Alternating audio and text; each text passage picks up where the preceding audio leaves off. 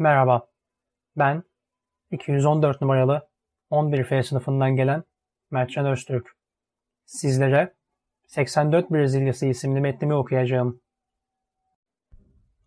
84 Brezilyası Brazil filmi ile 1984 kitabı ve filmi birbirleriyle sıkça karşılaştırılan iki distopik eserlerdendir. Her ne kadar bu iki başyapıt birbirinin aynısı gibi gözükse de gerçekte takdire şayan farklılıklar söz konusudur. Saptaması en kolay olan fark birisinin kapitalizm, Brazil, diğerinin ise komünizm, 1984 eleştirisi olmasıdır. En bariz benzerliklerinden bahsedecek olur isek de ikisi de distopik bilim kurgu hikayeleridir. Ben bu yazımda çoğunlukla Brezilya'dan söz edeceğim. 1984 yalnızca karşılaştırma biçimleriyle söz edilecektir. Analizime başlamadan önce şu iki terim üzerine değinmek istiyorum. Orwell ve Kafka. Orwellian, George Orwell'in 1984 adlı distopyasındaki totaliter yönetime, dilin aldatıcı ve manipüle edici kullanımına ithafen çoğu zaman otoriter kelimesi yerine kullanılan bir sıfat. Kafkaesk. Franz Kafka'dan esinlenerek üretilen, Kafka'nın tasvirlerindeki gibi tehdit edici ya da korkutucu anlamlarına gelen bir sıfattır. Kafka'nın stiline özgü olarak hikayelerinde anlatım akışının doğal bir parçası olarak bilinen ve algılanan gerçeklikten kopma, uzaklaşma durumunu ifade eder. Bu iki terim arasından Kafkaesk olanı Brazil, Orwellian olanı ise 1984. Kafkaesk oluşumlarda işlemeyen bir topluluk söz konusudur. Beyhude formaliteler, ruh bozucu patron çalışan ya da baba oğul ilişkileri, yığınla memuriyet kağıtları ve çöken toplum düzeni Kafkaesk yazılar için anahtar sözcüklerdir. Kafkaesk'in en temel özelliği çalışır gibi gözükmesine rağmen çalışmamasıdır. Fakat kimse de bu durumdan şikayetçi değildir. Çoğunlukla. Brezil'de de bu çok rahat gözlemlenebilir.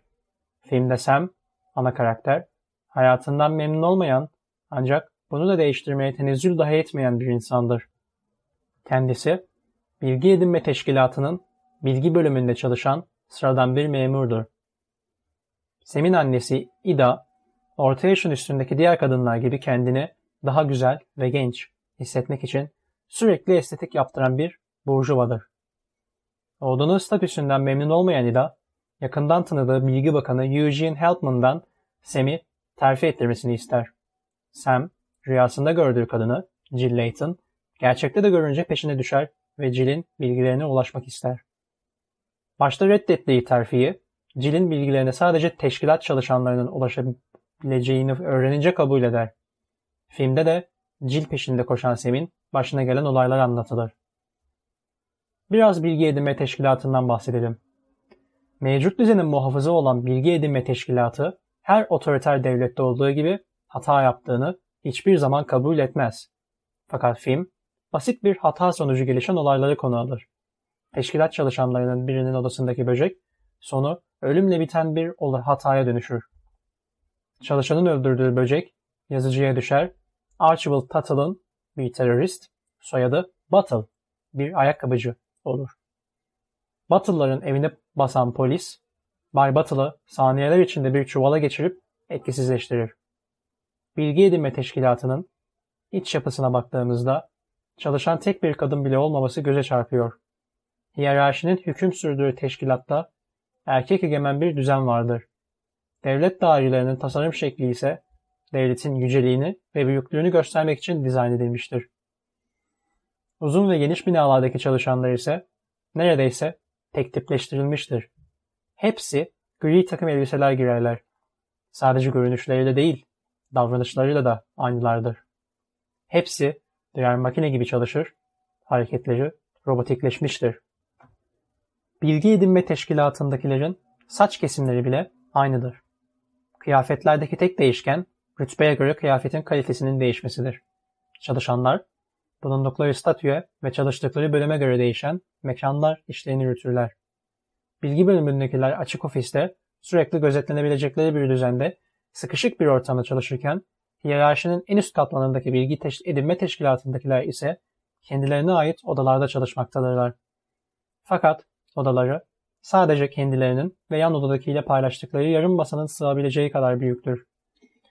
Binanın görkemi karşısında kendini daha küçük hisseden çalışanlar onlara ayrılan dar alanlarla da değersizleştirilirler. Bilgi edinme teşkilatı Kafka'nın davasındaki teşkilatlanmanın bir yansımasıdır. Bir de filmdeki teröristler var. Bu teröristler aslında var olmayıp yalnızca bilgi edinme teşkilatının yaptıkları hatalar ve komplolar için basit birer örtbastır. Hatta filmin bir sahnesinde Gillian Sam'e şunu söylemiştir. Hayatında bir terörist gördün mü ki hiç? Filmde bir tesisat aksaklığı neticesiyle bir patlama yaşanır ve bu olay kayıtlara bir terör saldırısı olarak geçer. Televizyonlarda ve posterlerde de terör karşıtı sloganlar ve terör şüphesi bulunan herkesi ihbar etmeye dair telkinler yer almaktadır. Ancak tek yozlaşmış yapı devlet değildir. İnsanlar da bir tüketim furyasına kapılmıştır. Orta yaşlı, yaşlı burjuva kadınların estetik ameliyatı yarışına girmeleri, çocukların Noel Baba'dan hediye olarak kredi kartı istemesi, televizyondaki reklamlar ve sefih yaşam özentiliği havası 1984 ile Brezil arasındaki en büyük ve en ayırt edici farktır. Filmin bir sahnesinde Sam, annesi ve annesinin arkadaşlarıyla bir lokantada yemek yerken yanı başlarındaki sözde terör patlaması Sam hariç kimsenin umurunda dahi olmamıştır. Duruma müdahale eden ekipler patlamanın olduğu yer görüntü kirliliği olmasın diye yıkılmış duvarları gizleyen bir karton koyar. Restorandaki yemeklerin de menülerdeki fotoğraflardaki gibi gözükmeyip balçık topları şeklinde sunulması da dahil tüm bu saydıklarım insanların yalnızca dış görünüşe önem verdiğinin kanıtlarıdır. Kimse ne insanların ne de devletin içinde olup bitenlerle ilgilenmemektedir. Sam, filmin başından beri filmin gidişatıyla beraber ilerlemekte olan rüyalar silsilesi görmektedir. Rüyasında Jill, bir kafes içinde kurtarılmayı bekleyen prenses, Sam ise kanatlarıyla uçan ve parlak zırhıyla göz kamaştıran bir şövalyedir. Filmin ve rüyanın sonlarına doğru Jill'i kurtarmak için Sam bir samuray ile karşı savaşır. Savaşı kazanır ve samurayın maskesini çıkardığında kendi yüzünü görür. Filmin anlatmak istediği aslında kendi kendimizin düşman olduğumuzu ve içinde bulunduğumuz sistemin de sorumlusunun yine biz olduğumuzdur. Film, Sam'in ve Jillian'ın tutuklanmasıyla devam eder. Sam artık bir kültür öğesi haline gelmiş, 101 numaralı oda benzeri bir işkence odasına alınır. Ancak o da ne? Jillian'ın devrimci arkadaşları Sam'i kurtarmaya gelmiştir. Gelmemişlerdir. Sam rüya görmektedir. Film, Sam'in işkence edilerek öldürülmesiyle son bulur. Başta seyirciyi Hollywood vari biçimde umutlandırdıktan sonra izleyiciyi gerçekliğe geri sürüklenerek şok içerisinde bıraktıktan sonra kişiyi yavaşça ilerleyen yazılarla yalnız bırakır. Arkada da filmin ismini veren Brazil müziği çalmaktadır. Orwell'in şaheseri 1984 çokça bilinen bir eser olduğu için ve de dürüst olmak gerekirse yazıyı haddinden fazla uzatacağı için kitaba dair bir özet ya da açıklama yazmayacağım. Yapıtın yalnızca Brazil ile olan benzerlik ve farklılıklarına değineceğim. Ana karakterler Karakterler birbirlerine çok benzemektedirler. İkisi de hayatlarından bıkkındırlar. Bir değişiklik düzeni yıkacak birini istemektedirler. Ancak bunun kendileri asla olamayacakları kanısındadırlar. Fakat iki eserde de kendileri dışında etraflarındaki sorunlardan haberdar çok az kişi mevcuttur. Bu sayı 1984'te daha yüksek olarak gözükmektedir. Orwell'de daha fazla devrimci olduğunu düşünmeme yol açan sebeplerden biri televizyon ekranlarında gösterilen hainlerin sayılarının fazlalığı. Diğeri ise daha subjektif olmakla birlikte yine de muhtemel bir durum. Brezilya, insanlar arzularına erişmekte 1984'e kıyasla çok daha başarılıdırlar. Sonuçta Brezil kapitalist bir dünyadadır ve